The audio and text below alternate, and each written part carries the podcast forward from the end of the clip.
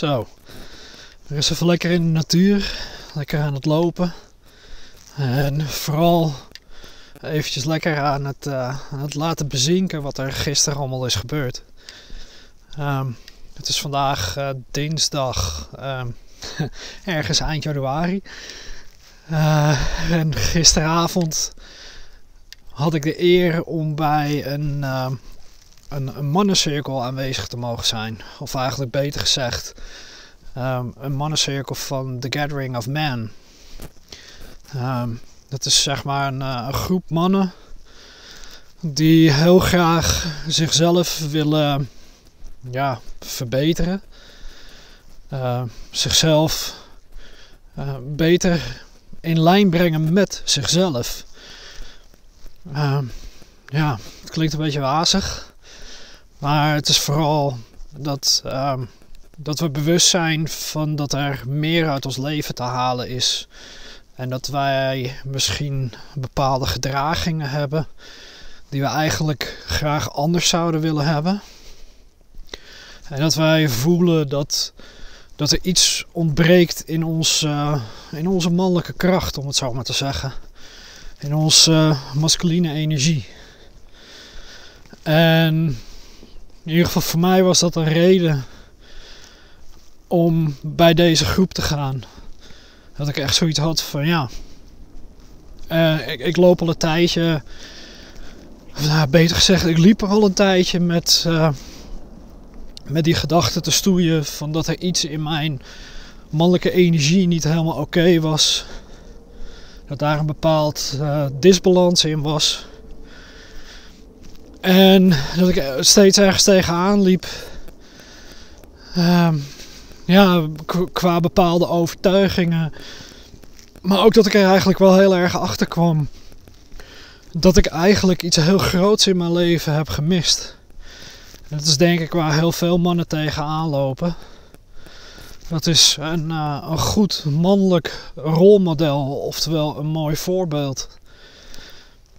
Mijn vader ja.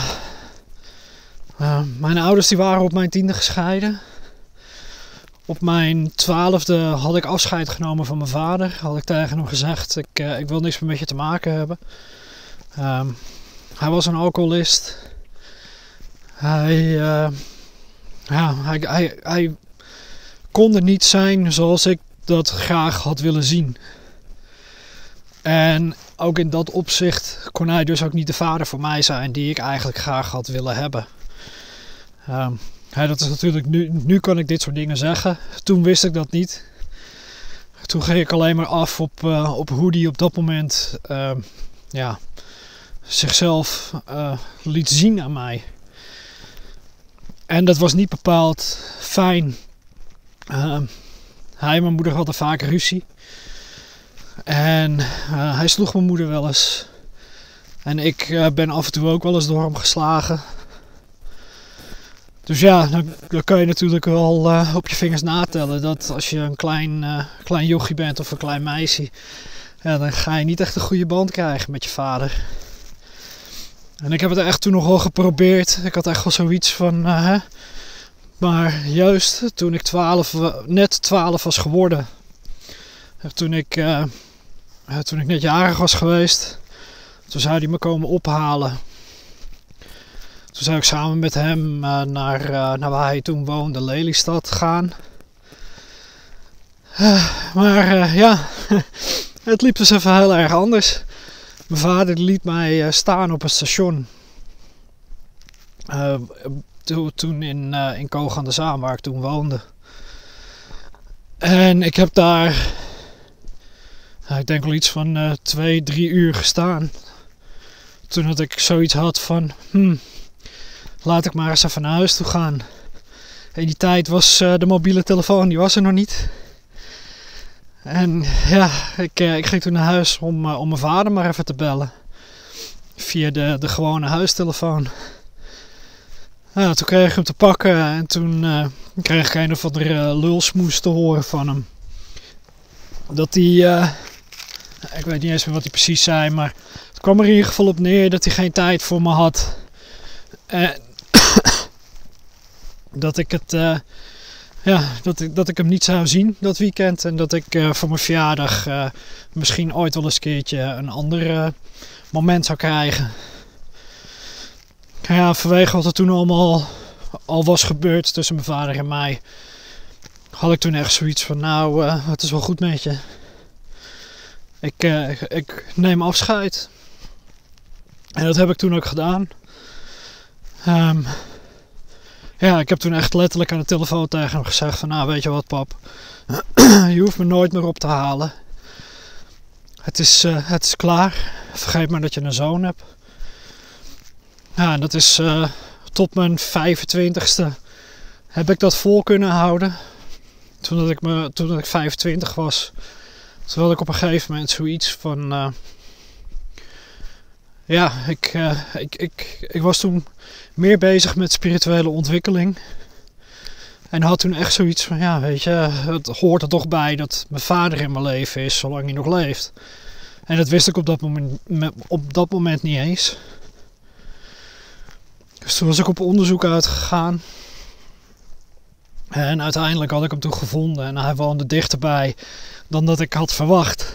Hij woonde toen in, uh, in Amsterdam in de buurt van het Vondelpark. Dus uh, ja, toen ben ik op een gegeven moment naar hem toe gegaan. Toen heb ik het eventjes een paar maanden contact met hem gehad. Uh, ik zat toen, ik werkte toen nog bij de landmacht. En ik ging voor de tweede keer ging ik naar Bosnië toe. Nou, mijn vader die was toen bij, bij mij op mijn afscheidsfeestje geweest. Had mijn moeder ook weer gezien, mijn broer ook. Dus uh, ja, dat was uh, heel erg gezellig. En dat bedoel ik heel erg sarcastisch. Maar goed, we hadden er het beste van gemaakt. En ja, toen, uh, toen ging ik op een gegeven moment dus naar, naar Bosnië toe.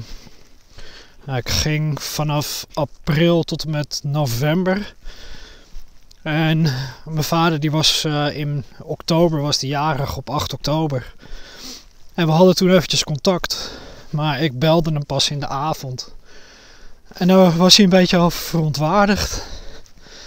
Hij ging uh, tegen me tekeer dat ik hem pas s'avonds belde en hij begreep het niet. Hij geloofde niet dat ik in Bosnië zat. Het was allemaal onzin en uh, ik ben helemaal geen militair. Nou ja, toen, toen had ik wat dingen tegen hem gezegd. Had ik mijn afscheidsfeestje weer even naar boven toe gehaald. En toen viel het kwartje in en weer bij hem. Nou ja, goed. Ik had hem verteld van, nou papa, kom dan en dan thuis. Ik zou het fijn vinden als je, als je er ook bent om me op te halen. Dus ik, eh, ik hoop je dan te zien op, uh, op vliegveld Eindhoven. Nou ja, de datum, de datum was daar dat ik weer naar huis toe mocht. En eenmaal aangekomen op Eindhoven. Vader was nergens te bekennen. Ja, dus toen had ik al zoiets van: oké, fijn. Zo had ik het even gelaten. Maar toen kwamen de feestdagen, die kwamen in de buurt. Dus ik had toch wel zoiets van, ja, weet je, ik wil, ik wil toch eens een keertje een feestdag met hem doormaken. Dus ik probeerde toen contact met hem op te, op te nemen. En dat lukte niet. Toen ben ik naar zijn huis toe gegaan. Nou, dat, uh, daar was hij ook niet. Uh, ziekenhuizen langs geweest om te kijken of hij daar ergens lag. Toen uiteindelijk weer een keertje naar zijn huis toe gegaan. En toen stonden al zijn ramen open. Het was midden december en het was echt onwijs koud.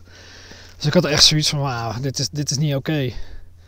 Politie erbij gehaald, brandweer erbij gehaald. Met, uh, met de, de politie en de brandweer die zijn toen zijn huis ingegaan.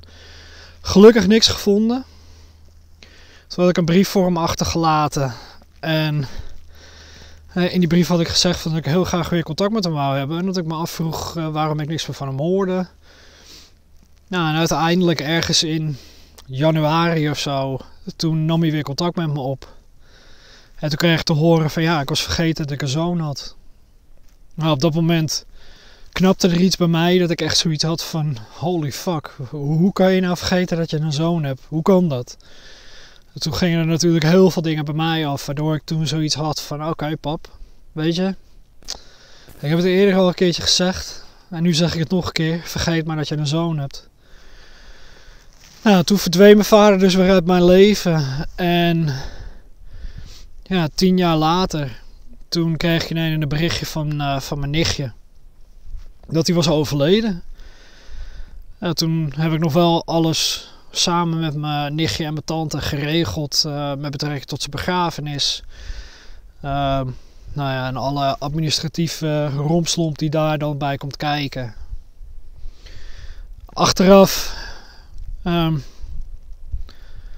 achteraf ben ik heel erg dankbaar van hoe het allemaal is gegaan. Maar qua voorbeeld, hè, waar, dit, waar dit verhaal eigenlijk mee begon, dat had ik dus totaal niet. Ik heb nooit in mijn leven echt goede mannelijke voorbeelden gehad om te, te laten zien hoe een man zich hoort te gedragen.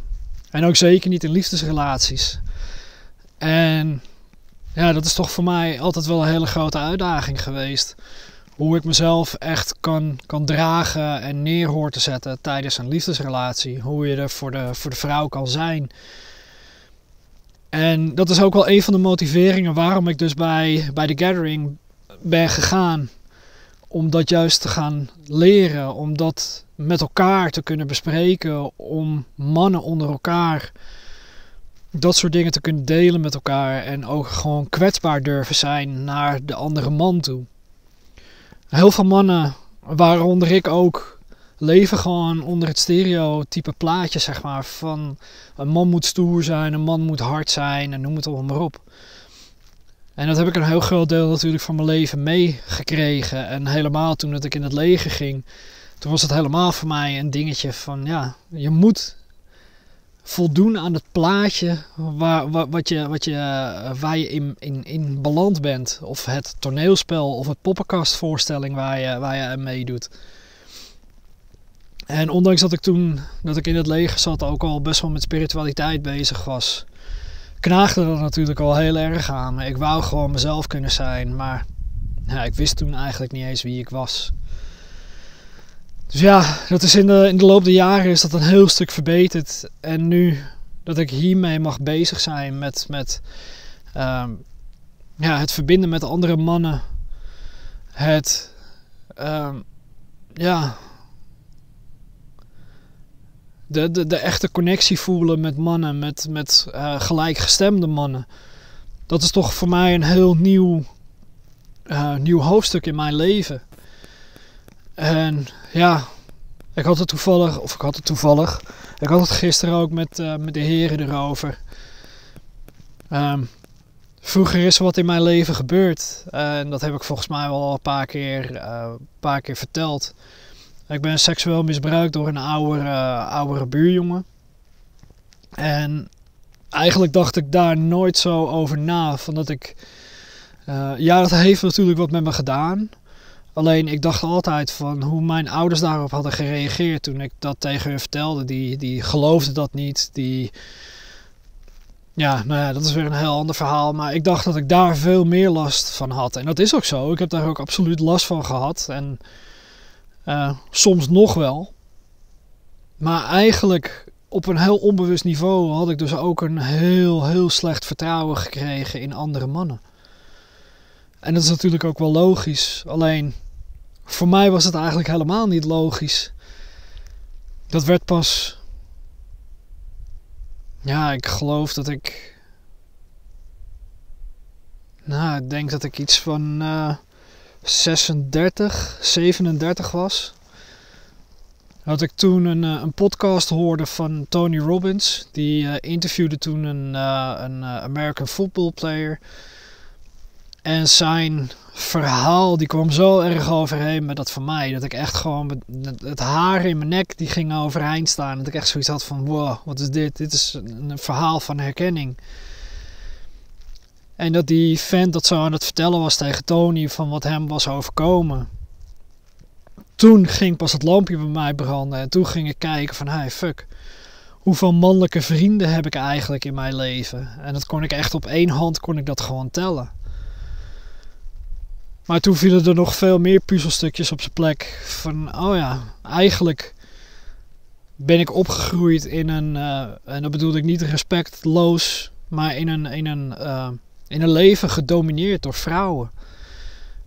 Ik had de voorbeelden gekregen van hoe vrouwen een man zouden willen zien, maar nooit, um, nooit daarbij dan echt de, de, de, de gevoelens en de, ja, de, de energie die je van een andere man kan krijgen, die heb ik natuurlijk nooit gevoeld.